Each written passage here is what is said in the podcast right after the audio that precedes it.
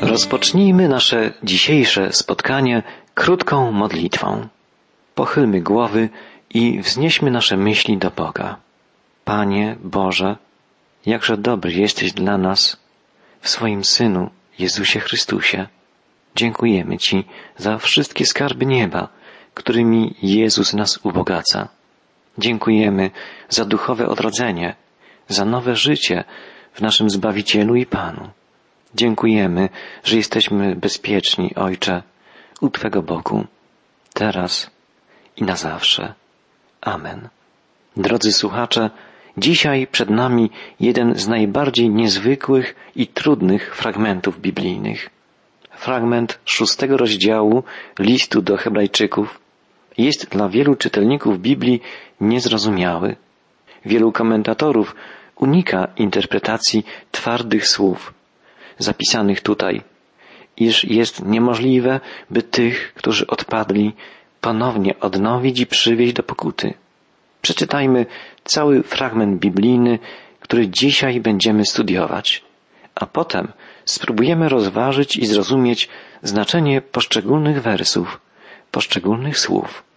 Od czwartego do ósmego wiersza szóstego rozdziału listu do Hebrajczyków czytamy a zatem, kto raz otrzymał światło od Boga, poznał smak daru z niebios, doznał działania Ducha Świętego, przekonał się, jak dobra jest wieść od Boga i jak potężne są moce przyszłego świata, a potem sprzeniewierzył się, ten nie może zaczynać wszystkiego od nowa, bo przez to ponownie krzyżuje i hańbi Syna Bożego. Bóg błogosławi ziemię, a ona, przesiąknięta obfitym deszczem, rodzi rośliny pożyteczne dla tych, którzy ją uprawiają. Jeśli zaś zarasta cierniem i ostem, staje się bezużyteczna i grozi jej przekleństwo i spalenie. Żeby zrozumieć przesłanie tego trudnego fragmentu biblijnego, spójrzmy najpierw na kilka możliwych interpretacji. Pierwsza z nich wydaje się, że najmniej odpowiednia. Zakłada, że słowa autora listu mówią o utracie zbawienia przez tych, którzy nie okazali Bogu posłuszeństwa.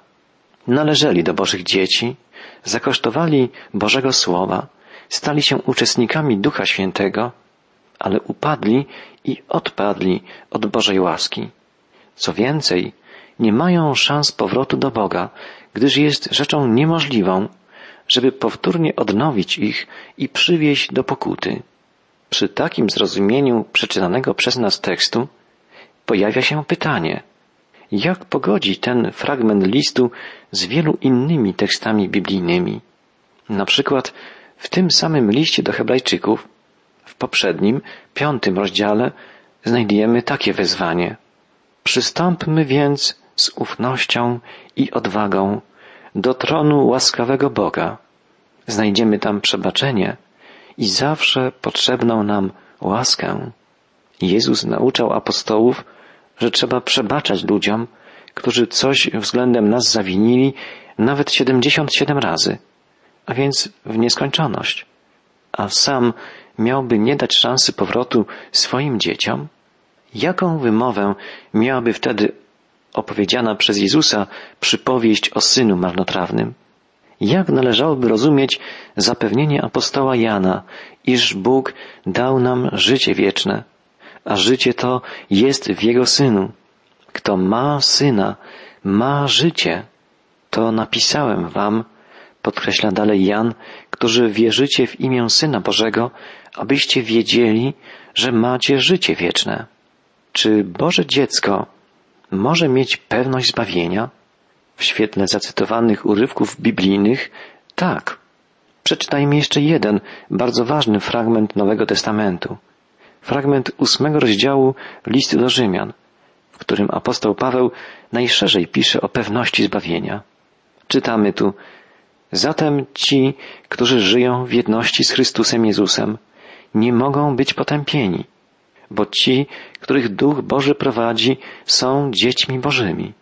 A jeśli dziećmi, to i dziedzicami Bożymi, współdziedzicami Chrystusa, bo których przeznaczył, tych i powołał, a których powołał, tych i usprawiedliwił, a których usprawiedliwił, tych i uwielbił.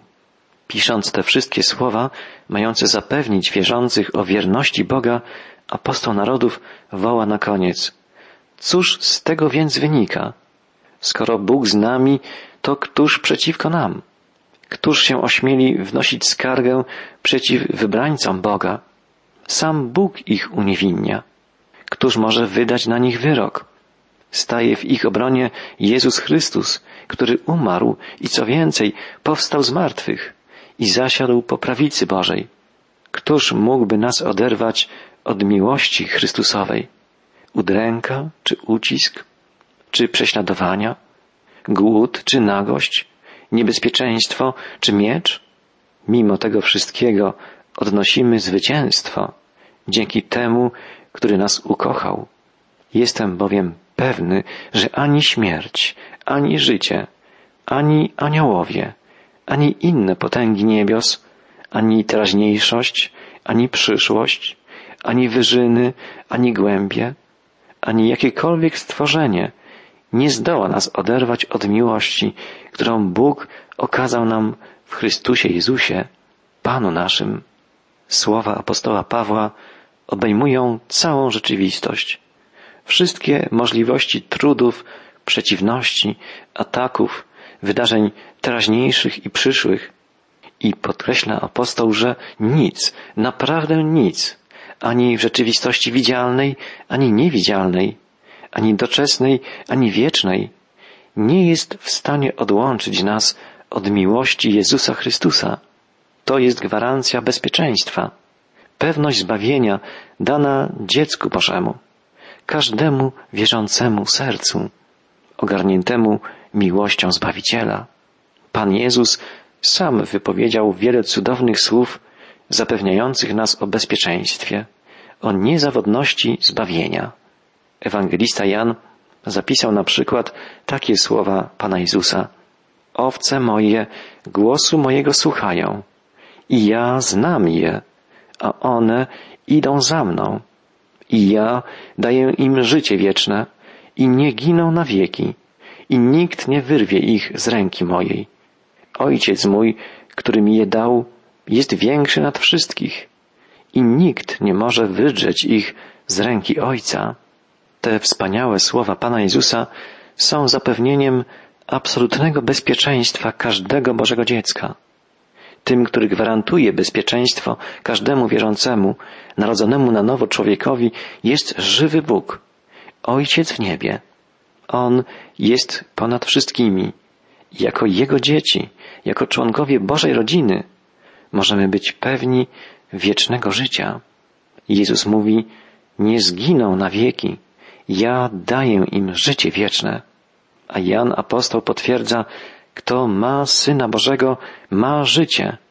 To napisałem wam, abyście wiedzieli, że macie życie wieczne. To tylko niektóre spośród wielu wypowiedzi Pisma Świętego, w których znajdujemy zapewnienie bezpieczeństwa i pewności daru życia wiecznego danego Bożym dzieciom. Jeśli narodziliśmy się z Ducha Bożego, jesteśmy w Bożej rodzinie bezpieczni na zawsze. Nie musimy się lękać, że utracimy zbawienie, gdyż Ojciec Niebieski troszczy się o nas, a Pan Jezus Chrystus wstawia się za nami w niebie i Duch Święty prowadzi nas tutaj, na ziemi, przenikając nas, nasze jestestwo, kształtując nas, wzmacniając, wskazując właściwą drogę.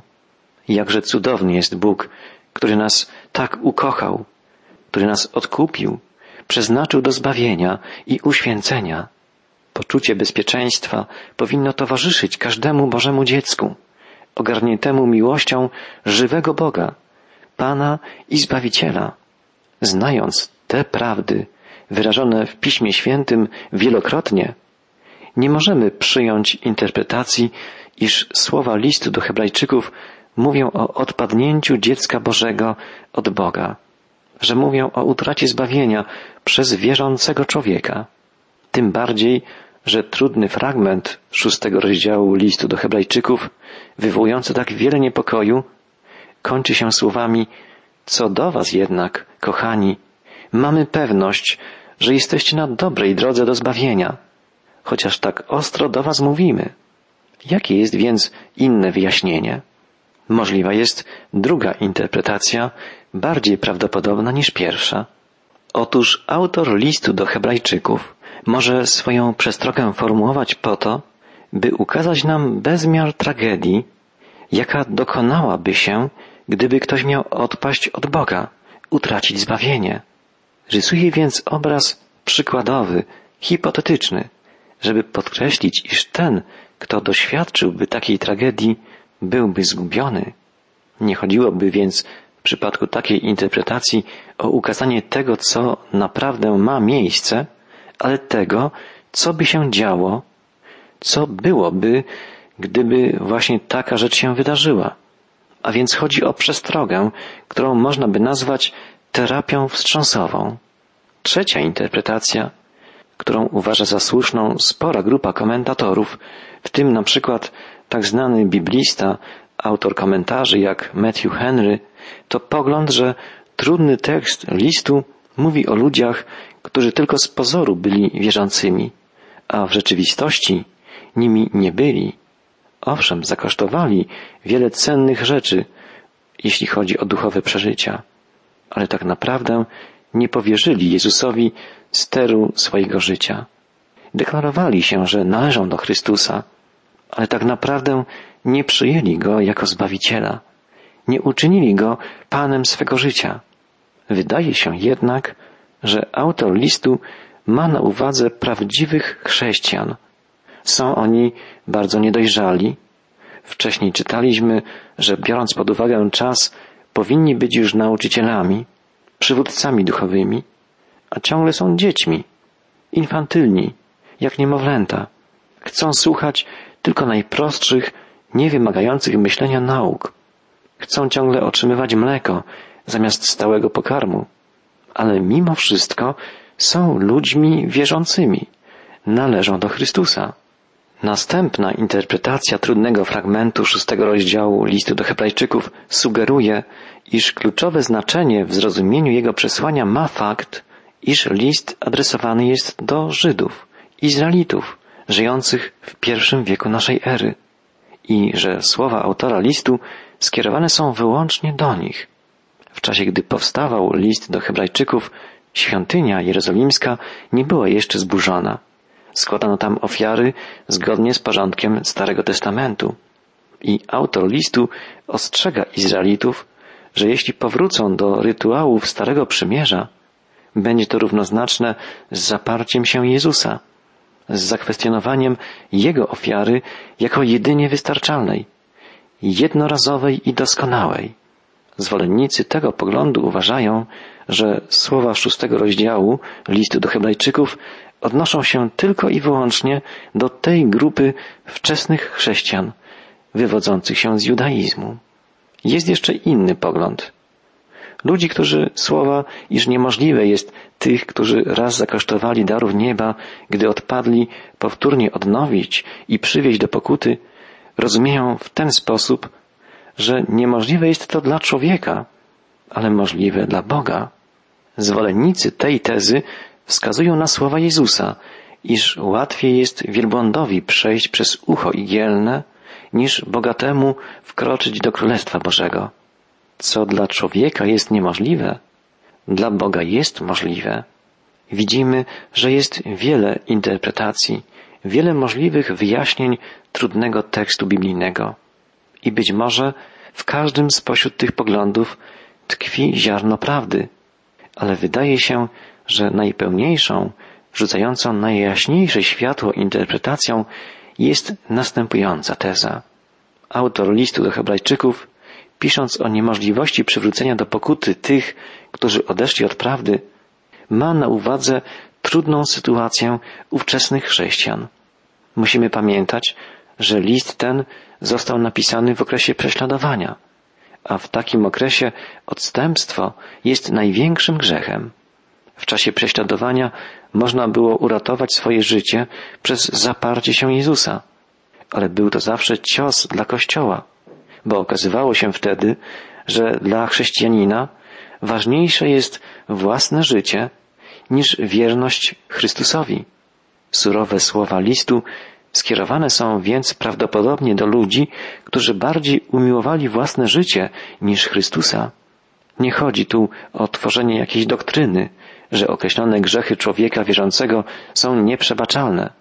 Któż mógłby orzec, kto ośmieliłby się powiedzieć, że jakiś człowiek znalazł się poza zasięgiem Bożej łaski, poza obszarem Bożego przebaczenia?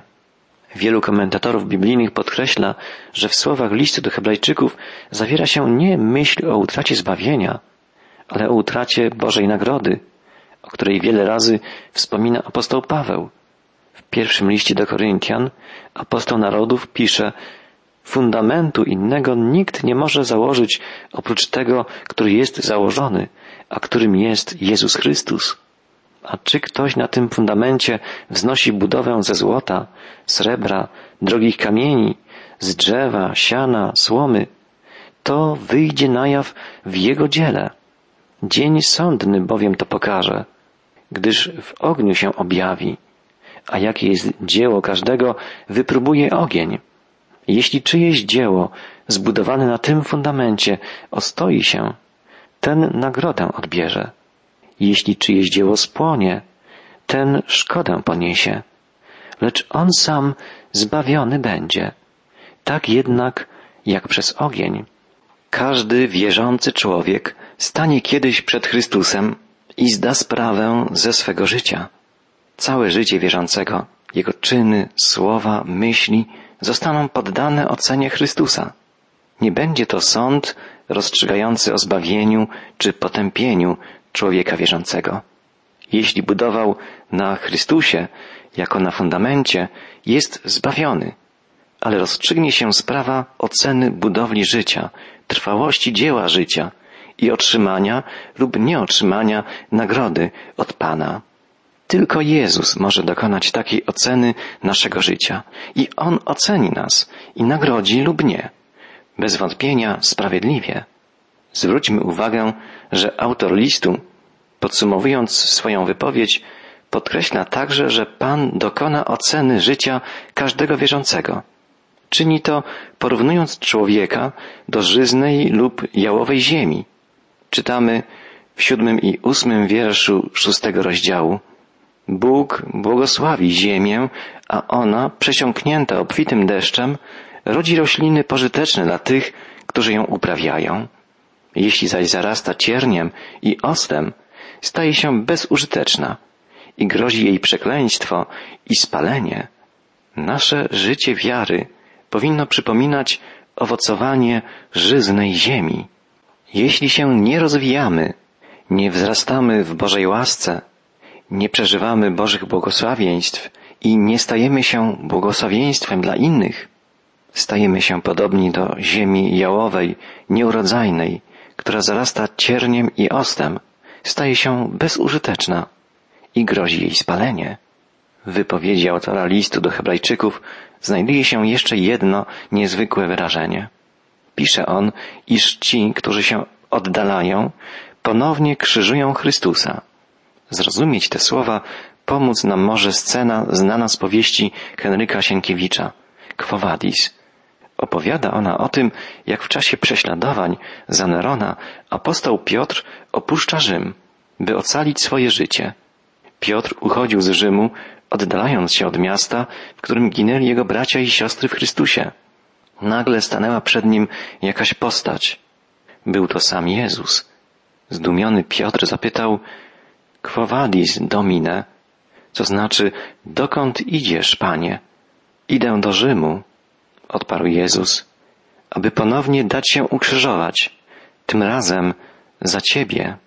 Wtedy Piotr, wstydząc się swego tchórzostwa, wrócił do Rzymu i tam umarł śmiercią męczeńską. Autor listu do Hebrajczyków pragnie przekazać nam bardzo istotną myśl, podobną do tej zawartej w pięknej powieści polskiego noblisty. To, co wydarzyło się na krzyżu Golgoty, ukazuje nam głębię miłości niebiańskiego Ojca. Bóg przemawia poprzez ofiarę Chrystusa. Miłuję was, kocham tak bardzo, że wydałem na śmierć swego jedynego syna. On zmarł na krzyżu, żeby zapłacić cenę za wasz grzech. Tylko w ten sposób mógł was odkupić, zbawić. Musimy uświadomić sobie, jak okropną, obrzydliwą rzeczą jest nasz grzech. Może on być przezwyciężony tylko dzięki cudownej, odkupieńczej mocy Bożej miłości. Ktoś powiedział, że grzech łamie nie tylko Boże prawo, ale także Boże serce. Tak, przez swoje odstępstwo, nieposłuszeństwo, ponownie krzyżujemy Jezusa Chrystusa. Autor listu pisze, iż poprzez odstępstwo wystawiamy Chrystusa na urągowisko. Gdyż grzeszymy, ludzie dokoła mówią, tak postępują chrześcijanie, uczniowie Chrystusa. Tylko tyle Chrystus im pomógł, umierając na krzyżu. W ten sposób my, poprzez swoje postępowanie, czynimy Chrystusa pośmiewiskiem, przedmiotem lekceważenia. Drogi przyjacielu, musimy postawić sobie, ty i ja, szczere pytanie. Czy zdaję sobie sprawę, że moje odstępstwo od wiary stawia mnie w rzędzie tych, którzy ponownie krzyżują Syna Bożego i wystawiają Go na urągowisko? Tylko Bóg może dać nam, każdemu z nas, łaskę upamiętania i uchwycenia się obietnicy, iż krew Jezusa Chrystusa oczyszcza nas od wszelkiego grzechu.